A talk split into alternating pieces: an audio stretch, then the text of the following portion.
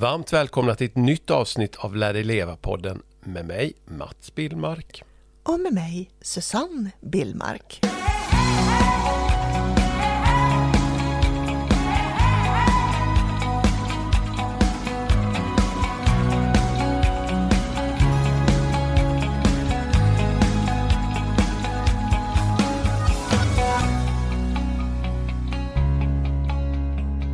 Idag ska vi prata om något som vi, vi kallar ju det här avsnittet avstängda människor. Eller ska vi säga medvetslösa människor, eller halvt medvetslösa människor. Ja, det blir något att sätta tänderna i Susanne. Eh, vi brukar ju prata om det ofta men jag tror aldrig vi har pratat om det i en podd. Nej, vi får väl se om människor kommer att känna igen sig eller känna igen någon de känner. Det är jag ganska säker på. Jag tänkte du skulle berätta lite Susanne vad, vad vi menar med det här uttrycket. Lite, det låter lite luddigt, avstängd. Mm. Hur är man när man är lite halvt avstängd, lite halvt medvetslös? Mm. Jag tänker så här att eh, vi brukar ju prata om till exempel mindfulness handlar ju om att bli medveten. Och det här är ju motsatsen då med, när vi menar med omedvetna människor. Att man är ofokuserad, att man eh, eh, att stressen har tagit eh, mycket som gör att man inte är till exempel intresserad av andra människor. Och, och man är i sin egen lilla värld. Man, man är i sin egen man kan bubbla, nästan känna, Jag tycker att man kan känna det på sig när man träffar människor. Absolut. De är, de är inte där. De, de är där fysiskt men de är inte där mentalt. Mm. Eh, oftast tycker jag människor är väldigt o, eh, stressade. Och jag upplever att människor, många människor har liksom långvarig stress. Att det liksom alltid är stressat för dem. Eh, och att många inte har den här återhämtningen som behövs. För det är ju den här långvariga stressen som gör oss till exempel oempatiska. Vi slutar bry oss om andra människor. Det här det är ju en slags överlevnadsgrej. Ja, du hade ju en, en person som, som eh, du träffade som berättade om sin mamma. Ja, ja just det. Jag träffade en bekant på stan som berättade eh, om faktiskt sina båda föräldrar.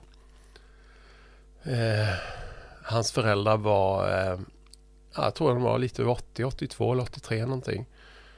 Eh, så sa jag, för vi känner varandra sedan skolan då, så sa jag, hur är det med dina föräldrar? Mina föräldrar, mina då, föräldrar lever ju inte, men de, jag hade ju rätt gamla föräldrar. Men, men han hade ju yngre föräldrar, då sa jag, hur, eh, hur är det med dem? Där? Ja, men de är i princip döende bägge två, svarade han.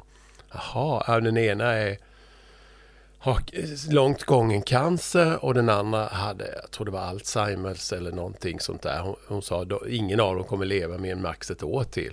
Men gud vad hemskt, sa jag. Men gud, du är inte ledsen. Nej, det är väl ingenting. Herregud, de har ju, pass de har ju passerat 80 och de har haft ett bra liv. Det är väl ingenting att, att typ bry sig om. Mm. Eller så sa han inte.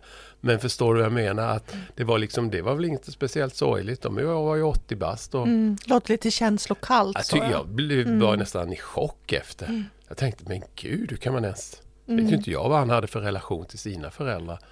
Men för, i min värld lät det hemskt. Men de har haft mm. sitt liv och de har väl haft lite roligt. De kan väl gott dö nu. Mm. Så uppfattade jag det, även om det inte var så han sa. Mm. Ja, det är det första som försvinner eh, oftast när vi är så här superstressade. Det är vår empati, därför att det är den här eh, fly och fäkta-reflexen som går in när vi är stressade. Och då är tanken att vi bara ska bry oss om vår egen överlevnad. Och det här tycker jag är så intressant. för alltså, Du och jag vi har ju pratat mycket om det här, men vad vi än pratar om, och det är allt från stress till kost till sömn, allt möjligt så är det så intressant att vi hela tiden skulle behöva varenda dag tänka på att vår hjärna faktiskt inte är gjorda för den här tillvaron vi lever i. Nej, de, den fattar ju knappt vad som händer Nej. Med, med allt all denna jäkla, allt som pockar på hela tiden. Ja, och, och för att inte tala om alla ljud, alla i synintryck. Jag vet inte hur många av er lyssnare som såg på Anders Hansens program om hjärnan. Mm. Han påpekar ju det varenda program att vår hjärna är liksom, den, den tror ju fortfarande att vi är på stenåldern i princip. Ja, jag, jag vet inte, nu är jag dålig på den här historien, men ännu tidigare faktiskt. Kanske.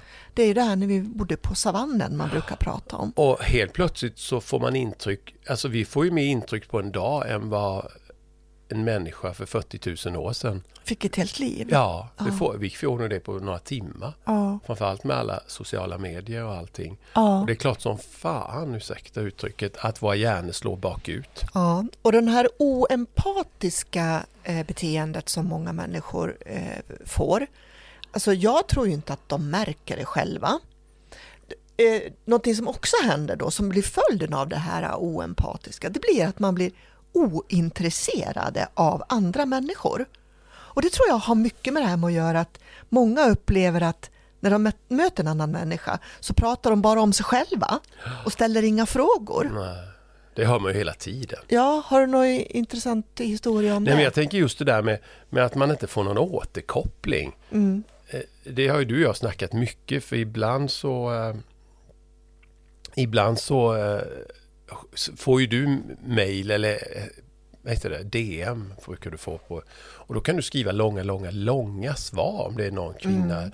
ofta kvinnor, som har något problem. Och ibland så tar du dig tid, det är inte alltid du har det men, men Jag tar mig i stort sett nästan alltid tid. tid då kan du skriva liksom jag kanske håller på en halvtimme och skriver Mm. med massa tips och, och, och idéer och Mm. hur hon skulle kunna lösa sitt problem. Ja, Och antingen får du inget svar alls ja, eller får du bara okej, tack.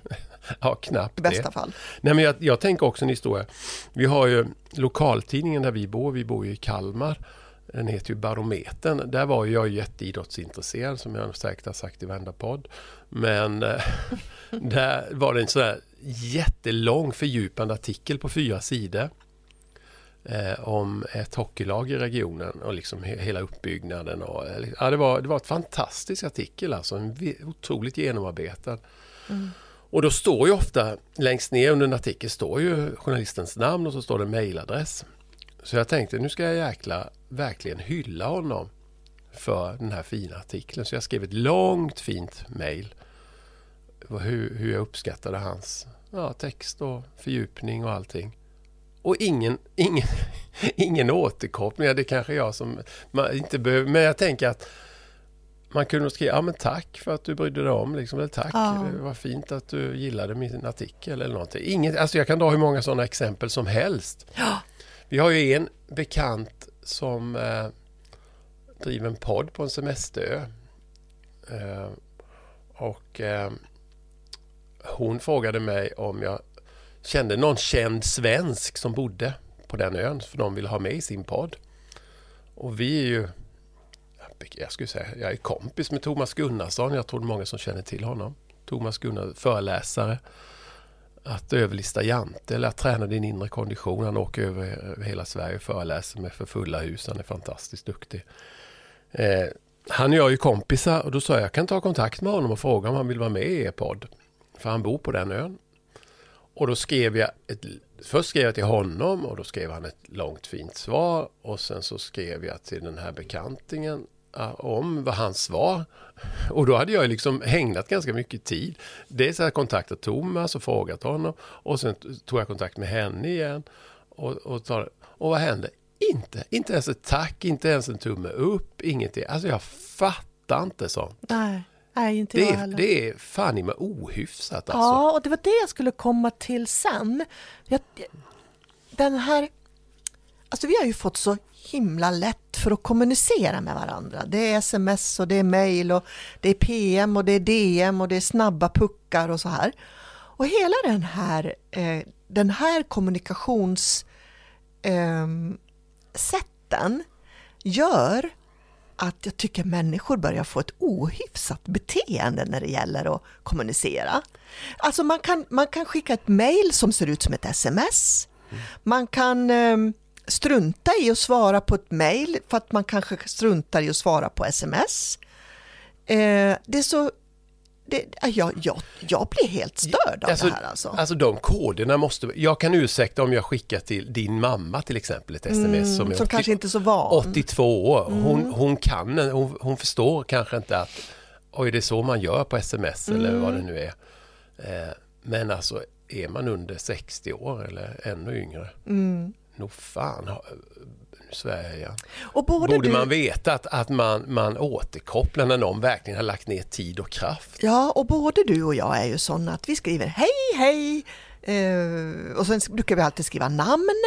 Hej Greta, eh, hur har du det? Jag har en fråga, eller vad det nu är man har för ärende till exempel. Skulle, och vi lindar ju ofta in i mycket text och kan, vi, vi är ju för sig vana med texter. Och sen skriver man kanske någon emoji och man skriver kanske eh, hälsningar Susanne eller vad man skriver. Så här. En del av man skriver hej, har du hittat brevet? Och sen inget mer. Vad liksom. menar du med brevet Eller bara att, ja, men om man har ett ärende till exempel. Ja. Man kanske har diskuterat med en person att ja, men jag ska leta reda på det där brevet. Mm. Vad det nu är för något. Och så kanske den skriver då, hej, har du hittat brevet? Punkt. Kanske ingen avsändare, kanske eh, inget liksom... Nej, Kanske jag låter undrar- gnälliga nu, Ja, men jag kanske tror- vi låter skitgnälliga, men jag tycker det, det är banne mig ohyfsat tycker jag. Jag tycker det. Ja, vi tycker det i alla fall. Ja. Och sen är det ju det här då när man är den här oempatin, det här ointresset, det här ohyfsade beteendet. Alltså, det är mycket på O nu, men människor blir också väldigt ofokuserade. Ehm, man ser inte, man hör inte, man lägger inte märke till. Och det här tycker jag nästan är det mest farliga, att man kanske inte, man kanske inte ser sin medmänniska och ser att den här personen kanske ser ledsen ut eller eh, man, man kanske inte ens bryr sig om att kommentera någonting, att du Nej, ser glad mer- ut, du ser ledsen mer- ut. I en del eller? relationer också kan det också vara så att Ja, man visst. inte ser om någon har eh, skaffat, klippt sig eller färgat Ja. håret eller Mm. köpt en fin klänning eller, eller Mm. köpt en fin kostym eller bytt färg på kuddarna. Jag tror att det är många kvinnor som kan känna att, att män, för jag tror lite det är manligt, att män är inte kanske, och man får inte den uppskattningen. Som kvinna, inte som man med kan du det, det, men jag tror ändå att det är fler män som Men det är finns ju många kvinnor också som är ofokuserade, så är det ju. Ja, men jag tänker mer vad som händer i ett hem om man, Mm. eller, eller som person, att, för alla gillar ju att bli bekräftade. Mm. Alla gillar att bli bekräftade. Mm. Eh, men, eh, ja, men ett annat exempel är, jag har en kompis som styrketränar, kör mycket på gym och så. Eh, han kom till mitt, vi har ju flyttat in i nya lokaler, alltså jobbmässigt. Eh, i, ja, vad ska man säga, det är ett slags kontorshotell. Du har ett eget rum och jag har ett eget rum. Mm. Eh, och han kom hit och kom från gymmet direkt och, och han pratade inte ens om... Vi har ju faktiskt gjort ganska fint och ansträngt oss. Och han bara pratade om sina biceps och sina eh, bröstövningar och vad det nu var allting. Ja. Istället för liksom, ja, nämnde knappt, ja, här, här är ni ungefär. Alltså då, då blir man ju, då kan man säga, ah, är man så svältfödd på bekräftelse? Nej, men man, alla människor tycker att det är kul att man, att kommer någon in och säger, ah, vad fint ni har gjort och vilken fin färg det var där eller ska ni ha det där eller vad, vad, vad ni har tänkt till. Istället pratar man bara om sig själv. Och Mm. Jag det har du om igen det här som vi säger, man är, man är avstängd. Eh, man kan liksom inte, man har tunnelseende. Mm. Och man bryr sig mest bara om sig själv. Stressen skapar ju tunnelseende. Det gör ju det. För att det, man ska överleva. Mm. Eh, Och men- bristen på återhämtning framför Ja. allt. Jag, jag tycker eh, det är intressant när man pratar om det här för att de absolut närmaste kompisarna vi har, man skulle kunna räkna upp tre, fyra par kanske. Ehm, det är ju faktiskt människor som också bryr sig om hur vi mår. Som också ställer motfrågor. Det är väl kanske därför vi vill umgås med dem. Ja men precis, det är lite hönan och ägget där. Men, men, men eh, så är det ju. Att de här andra som inte, som inte bryr sig. Det om- blir ju mer ytliga bekantskaper. Ja, det blir det ju. Så är det ju. Men eh, det är det här vi, kallas för, vi kallar för medvetslösa människor.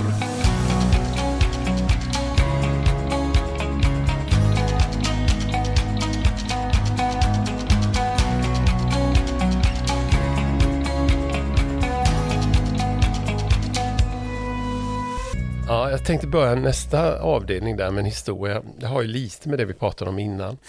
Men du kommer ju förklara lite mer med, eh, vi var på ishockey du och jag. Du är inte så ofta du följer med på ishockey. Men ibland så. Mm. Det är jätteroligt. Ja. Du går ju bara på derbymatcher. Jag går bara när Kalmar spelar. Jo, jo, det gör jag med. Men framförallt när det är derbymatcher, då är det utsålt. Ja. Mm. Eh, då är det alltid full hall med 2000, jag vet inte, 700 typ.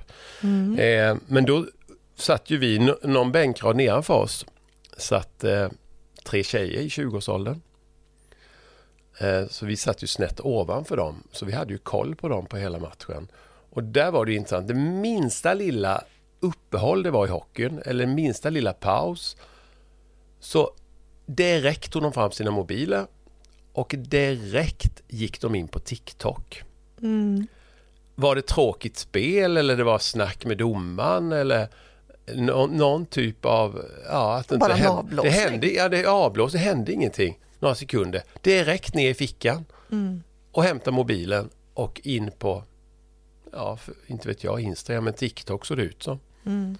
Eh, jag kommer ihåg vi bara sa, och de pratade inte med varandra någonting i princip. Nej.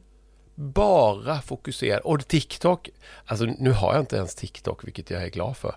Men det är ju korta, korta filmsekvenser hela tiden. Mm. Vad gör det med, du lyssnade på något radioprogram va? Det var så intressant. För vi hade Vad gör det med ungdomars hjärnor, framförallt då kanske yngre, kanske, ja, som, Ja. som inte har passerat 25? Du kan ju berätta. Ja, men det är så intressant för att precis eh, den här veckan så har jag, jag har ju en kurs där vi pratar om bland annat signalsubstanser. Och precis den här veckan har vi pratat om serotonin.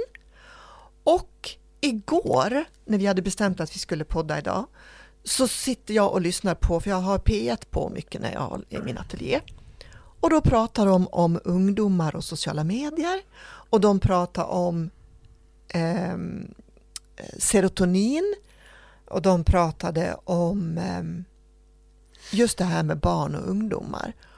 Och det är så himla intressant Eh, för att i, i USA då där har man märkt en markant ökning av den psykiska ohälsan hos ungdomar, barn och ungdomar.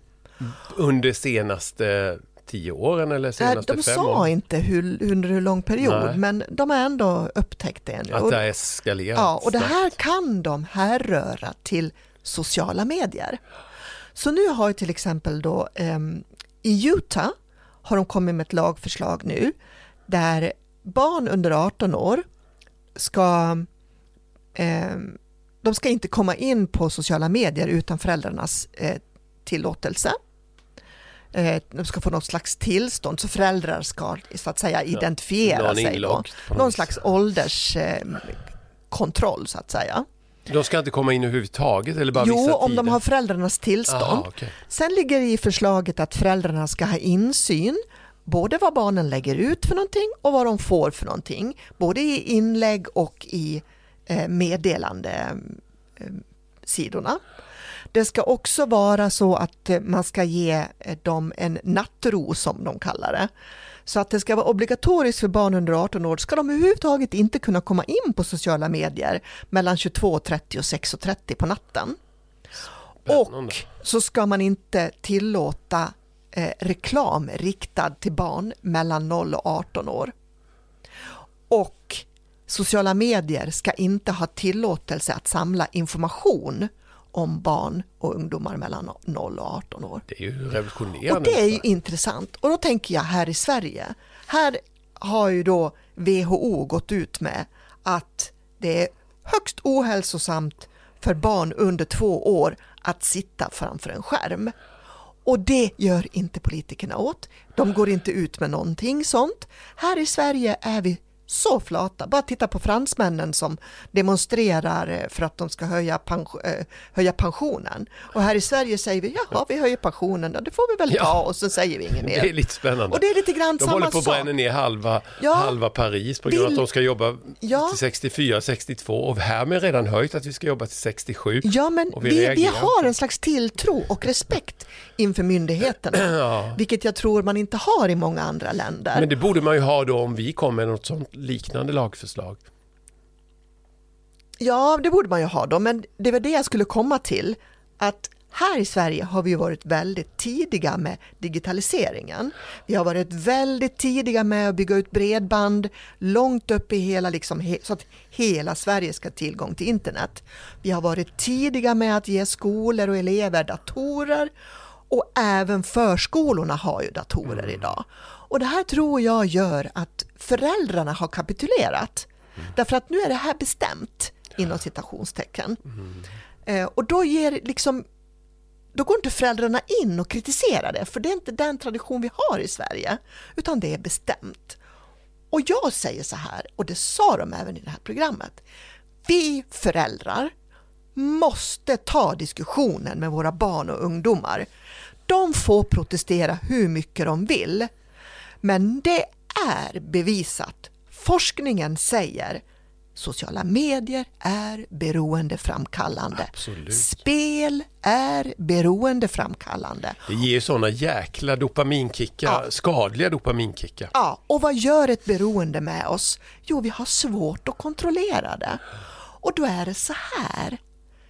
Barn, under, barn och ungdomar under 25 år de har inte tillräckligt utvecklade hjärnor. Ja, men det för vet att man ju 100 procent. Ja, men för att själva mm. kunna kontrollera det här. Alltså det är konsekvenstänket. Nej, för i prefrontalkortex som ligger långt fram i pannan på oss så, så eh, ligger vår förmåga att styra våra känslor och beteenden och att styra vår impulskontroll.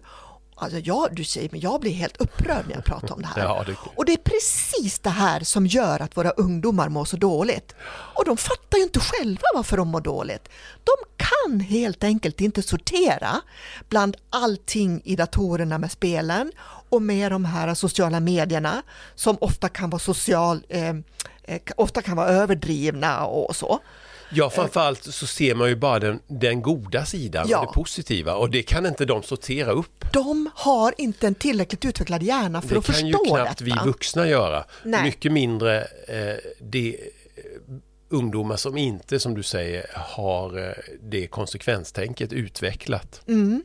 Och för att inte tala om vad det här gör med deras sömnbeteende sömnstörande beteenden, stänger in sig på sina rum, mm. sitter där och spelar till långt in på natten. Föräldrarna har noll koll och skulle föräldrarna ha koll då blir det ett jäkla liv på ungdomarna, barnen och ungdomarna. Ja, och vi måste ta den här fighten alltså. Eh, jag, tror att det, jag tror att det måste komma, de föräldrar som lyssnar på det här nu, de säger så här, ja ni har, ni har ingen aning vilka duster jag har med min tonåring och ni har ingen aning vilket, vilket helsike eller helvete det är. Och, och få mm. dem att minska den tiden.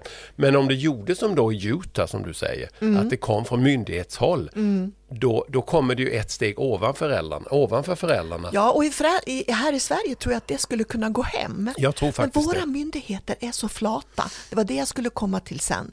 Så de har ju inte ens gått ut med officiellt sett det här att en tvååring inte ska ha närheten av en skärm. Verkligen inte. Det, det är inte ens tillräckligt utspritt av myndigheter. Det blir ju intressant. Det. det. känns ju som att våra barn och ungdomar är, är, är som försökskaniner. Absolut. Det blir ju, nu kommer det här dröja ytterligare säkert 5-10 år innan man kan avläsa det här vad som händer i USA och Utah eller de delstater där man kommer införa det här. Mm. Men jag kan ju garantera att det kommer ge jäkla massa positiv effekt. Mm. Ytterligare en sån sak är ju att man ser på utskrivningen av antidepressiva mediciner. Mm. Nu pratar jag till barn och ungdomar. Mm. Alltså den ökar lavinartat. Vi läste ju häromdagen att vi äter ju våra barn och ungdomar tar tre gånger så mycket antidepressiva mediciner som jämfört med Norge och Danmark. Läkarna skriver ut 70 procent mer. 70 procent mer antidepressiva mm. och jag har ju kontakt med en läkare som jobbar med sånt här. Eh, som ska vara med i podden för övrigt eh, om några månader. Som pratar om mediciner och psykofarmaka och framförallt antidepressiva mediciner, vad det gör med oss och så vidare. Mm. Han skrev ett sms till mig att jag, om du pratar på ska jag ta fram det. Ja, men då skulle jag kunna säga så här då. Det som är så eh, intressant då med det här som barn och ungdomar upplever på sociala medier, eh, det är att för att kunna sortera ut det här då som gör att de mår dåligt så är det ju att man behöver ha en extremt bra självkänsla. Man måste ha en extremt bra självkänsla för att kunna sortera, sortera bland det här som sker på sociala medier. Och det är väl det som, ja förlåt. Och då, och då tänker jag, hur får man en bra självkänsla? Och då tänker jag bara rabbla nu fem saker. Så här ökar du din, din självkänsla. 1. Sluta kritisera dig själv. 2. Ha ett positivt peppande prat med dig själv när du behöver. Nu är du igång Susanne. Sluta döma andra och sluta döma dig själv. Och det som är intressant är att när man slutar börja döma andra så får man också lättare att sluta döma sig själv. Mm. Fyra, förstärk när vi gör någonting bra. Skrik, höj armarna, klappa dig själv på axeln, beröm dig själv. Manifestera när du gör någonting bra. Strunta i när du gör någonting dåligt och manifestera det du gör bra. Och så fem, observationsmeditation. Ta en stund för dig själv, sätt dig ner i en stol, bara observera dina tankar. Och sen utan att döma, så tänker du så här, jaha, där kom den tanken, ja men den låter jag bara flyga förbi. Och precis när man har tänkt den tanken så kommer ju nästa. Och då tänker man, ja, det, här, aha, det var den tanken, ja men då kan jag låta den också bara sticka iväg. När man lär sig att observera sina tankar och låta dem försvinna och fejda, iväg, eh, fejda till, bort i bakgrunden, då kommer man, om man gör det, sån här observationsmeditation, då kommer man också att träna sig att kunna göra det i vardagen. Därför att vi måste ju, det vi inte är bra på i vardagen, det måste vi ju träna på. Det skapar nya vanor och det är jättesvårt, det vet mm. ju du och jag. Jag ska säga bara en annan grej till också om just dopamin och serotonin. Mm. Men det ska jag säga när du Jag ska bara, ja, men jag ska bara säga, jag hittade, jag hittade mm, Messenger från den här läkaren då. Han skrev att FN, jag läser till. FN kritiserade nyligen Sverige igen för övermedicinering av barn och ungdomar. Ja. Vad det gäller antidepressiva och ja, psykofarmaka. Alltså, FN har sagt ifrån mm. mot Sverige. Alltså jag blir så ledsen när jag hör detta. Det är helt absurt. Vad jag skulle säga då om dopamin och serotonin, det är det här att eh, vi behöver ju både dopamin och serotonin för att må bra. Eh, vi blir glada, vi blir uppspelta, vi blir aktiva och vi blir liksom sociala och allt det här. Men dopamin, det är så intressant då, för dopamin, det ger en känsla av att du vill ha något som du inte har. Alltså det som är utanför dig själv. Åh, jag vill också ha en sån klänning och åh, jag vill också ha en sån cykel som eller han resa, har. Eller, eller jag vill också resa. Det ger dopaminkickar att skaffa sig de här sakerna och göra de här sakerna.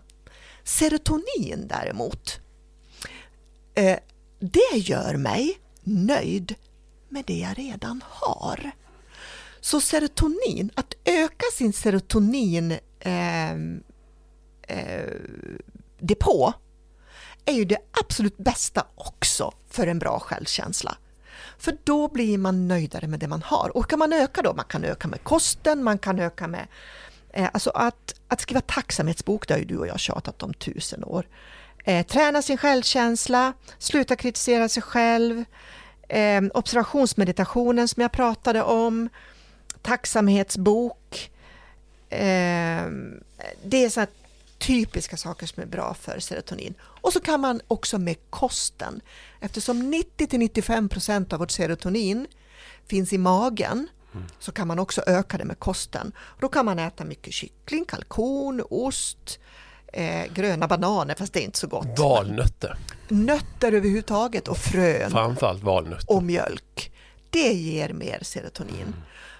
Och det, det tror jag också är intressant med ungdomar, att både för kanske föräldrarna och ungdomarna förstår ju inte riktigt hur viktig kosten vissa är. Vissa föräldrar förstår, vissa förstår det inte alls. Vissa gör det, ja. Mm. Men, och framförallt man växer.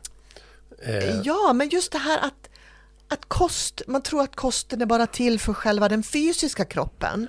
Men kosten är så också viktig för den mentala delen. Som till exempel när jag slutade med sockret, hur jag bara kände hur jag plötsligt blev klarnare i huvudet på något vis. Och plötsligt kände jag att jag kunde ta helt andra beslut. Ja, det Ja, det ja, finns mycket att säga så jäkla intressant. Nu fick du brinna rejält om dina favoritämnen. Ja, det fick jag.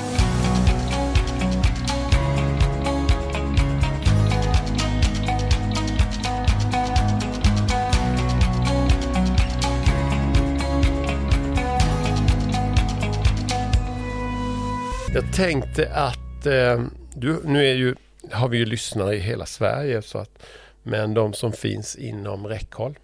Får säga, vad är räckhåll då? Nej men de, inom ett par mil kanske från Kalmar. Så har ju du en kurs. Ja, du vill jag, ja, jag skulle göra lite reklam för min den här kursen som jag pratade om. Mm, du, har ju, du har ju en första kursomgång som avslutas om några veckor. Ja, vi har två gånger kvar. Vi Mm. kör en gång i veckan, sju tillfällen. Den kallas för Mitt bästa jag och jag tänker att fasen, vi människor, eh, vi måste liksom utmana oss själva. Det tänker jag vi ska prata om nästa gång. Utmaningar. Nej, men vi du kan väl behöver- berätta den kortis bara utan Ja. att bli för långrandig. Nej men vi har sju omgångar och eftersom jag är en skapande människa så använder jag också skapande. Men det är totalt kravlöst skapande. Bara för att få känna hur, vi, hur bra vi mår när vi får liksom kravlöst skapa. Och sen pratar vi om våra sinnen. Vi pratar om, ehm, vi tar upp sex, fem signalsubstanser tar vi upp som vi pratar om. Och sen så pratar vi om hjärnan och hur vi kan maxa den och hur vi kan ehm, stärka oss själva och maxa enkelt. våra, våra bra signalsubstanser. Absolut. Hur får vi med endorfiner? Hur får vi med oxytocin? Och hur får vi med dopamin? Bra Ja. dopamin alltså. Ja. Och serotonin. Ja, och kursen är till för att jag ska känna att de, de ska känna sig peppade att ta hand om sig själva när de går ifrån kursen och att de ska känna att de faktiskt har makten att göra någonting åt sin tillvaro om man nu har något problem eller mår dåligt eller sådär. Och jag känner jättestarkt för den här kursen nu och nu är jag snart färdig med den första gruppen och jag har, har intentioner att starta en grupp till. Eh, Men vad gör- ve- Vecka 16 eller 17 och jag har vill, eh, det är några få platser kvar där som jag skulle vilja ha. Eh, och om man vill gå den, vad kan man mejla dig då? Då mejlar man mig på s.billmark gmail.com s.billmark gmail.com Förutom att göra kurser Susanne, har du, vad har du mer för kul på gång? Eller förresten, vi, helst ska vi inte ha så mycket på gång. Vi har Alltså, jag faktiskt känner kört bara att jag hoppas jag har så lite som möjligt på gång Ja, men vi har ju faktiskt kört hårt som fan. Ja, det har vi gjort. Med, vi har flyttat och vi har haft massa projekt och sådär. Så att vi behöver faktiskt landa lite. Jag håller för tillfället på att skapa så mycket jag kan. Jag skapar hjärtan för att få mig att må bra. Ja, och för att du vill ha en liten utställning. Ja, så småningom. Eh, nej, men sen håller vi på med massa projekt. Jag gör ju också det. Jag håller på att dra igång en stor poddgrej. Och eh, en fotbollspodd som är mitt drömprojekt. Jag berättade Mm. faktiskt för vår dotter häromdagen att jag brukar dra mycket historier. Hon har hört de flesta sju gånger. Eh, då sa, berättade jag att jag sökte faktiskt Journalisthögskolan en gång i tiden. Sa inte du det när vi poddade förra gången? Det tror jag inte. Känns som så. Eller om det var förr, förra. Nej, men jag ville bli sportjournalist. Mm.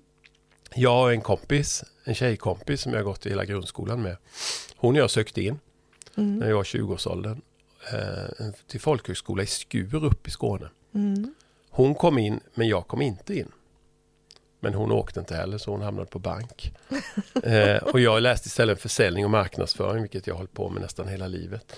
Men eh, nu ska jag få, om jag nu får igång min idé om en fotbollspodd som ska handla om allsvenskan. Så kommer jag få jobba lite som sportjournalist. Fast det är lite senare i livet. Men, Kul. Ja, jättekul verkligen. Så, så ser det ut. Mm. Eh, ja, men jag tänker att vi avslutar där och helt enkelt säger så att vi hörs igen eh, nästa gång den första maj. Och det blir ju så, nu håller vi det här och det har vi lovat och nu eh, är vi verkligen noga med det. Så att första måndagen varje månad kommer ett nytt avsnitt i Mm. fortsättningen. Och nästa gång är måndagen den första maj. Och då kommer vi prata lite om det här med utmaningar Mm. Vi kommer nog prata om lite allt möjligt. Jag har lite idéer med. Vet du. Det kan vi ta sen. Ja, okej. Vi äntligen har kommit med ett förslag. Ja, men det är bra. Men man kan också, om man enklast vill hålla koll på nya avsnitt, men det är jag alltid. Man, ni kan ju få gärna sätta en kryss i almanackan. Första måndagen i varje ny månad så kommer vi med ett nytt avsnitt. Men man kan också trycka på prem, pren, Prenumerationsknappen. ja, det var ett svårt ord, eh, som finns där på, på Spotify och sådär. Mm. Och vill man mejla oss om tips och idéer, om ni har förslag vad ni tycker att vi ska snacka om. Eh, det är jättekul om ni gör det. Eh, eller om ni vill kommentera något vi har pratat om i tidigare avsnitt så gör man det till la dig leva, alltså la dig leva snabela gmail.com. Mm. Yes, det var Toppen. det hela. Ja. Vi hörs och syns. Det gör vi. Må så Tack gott. och hej. Hej då.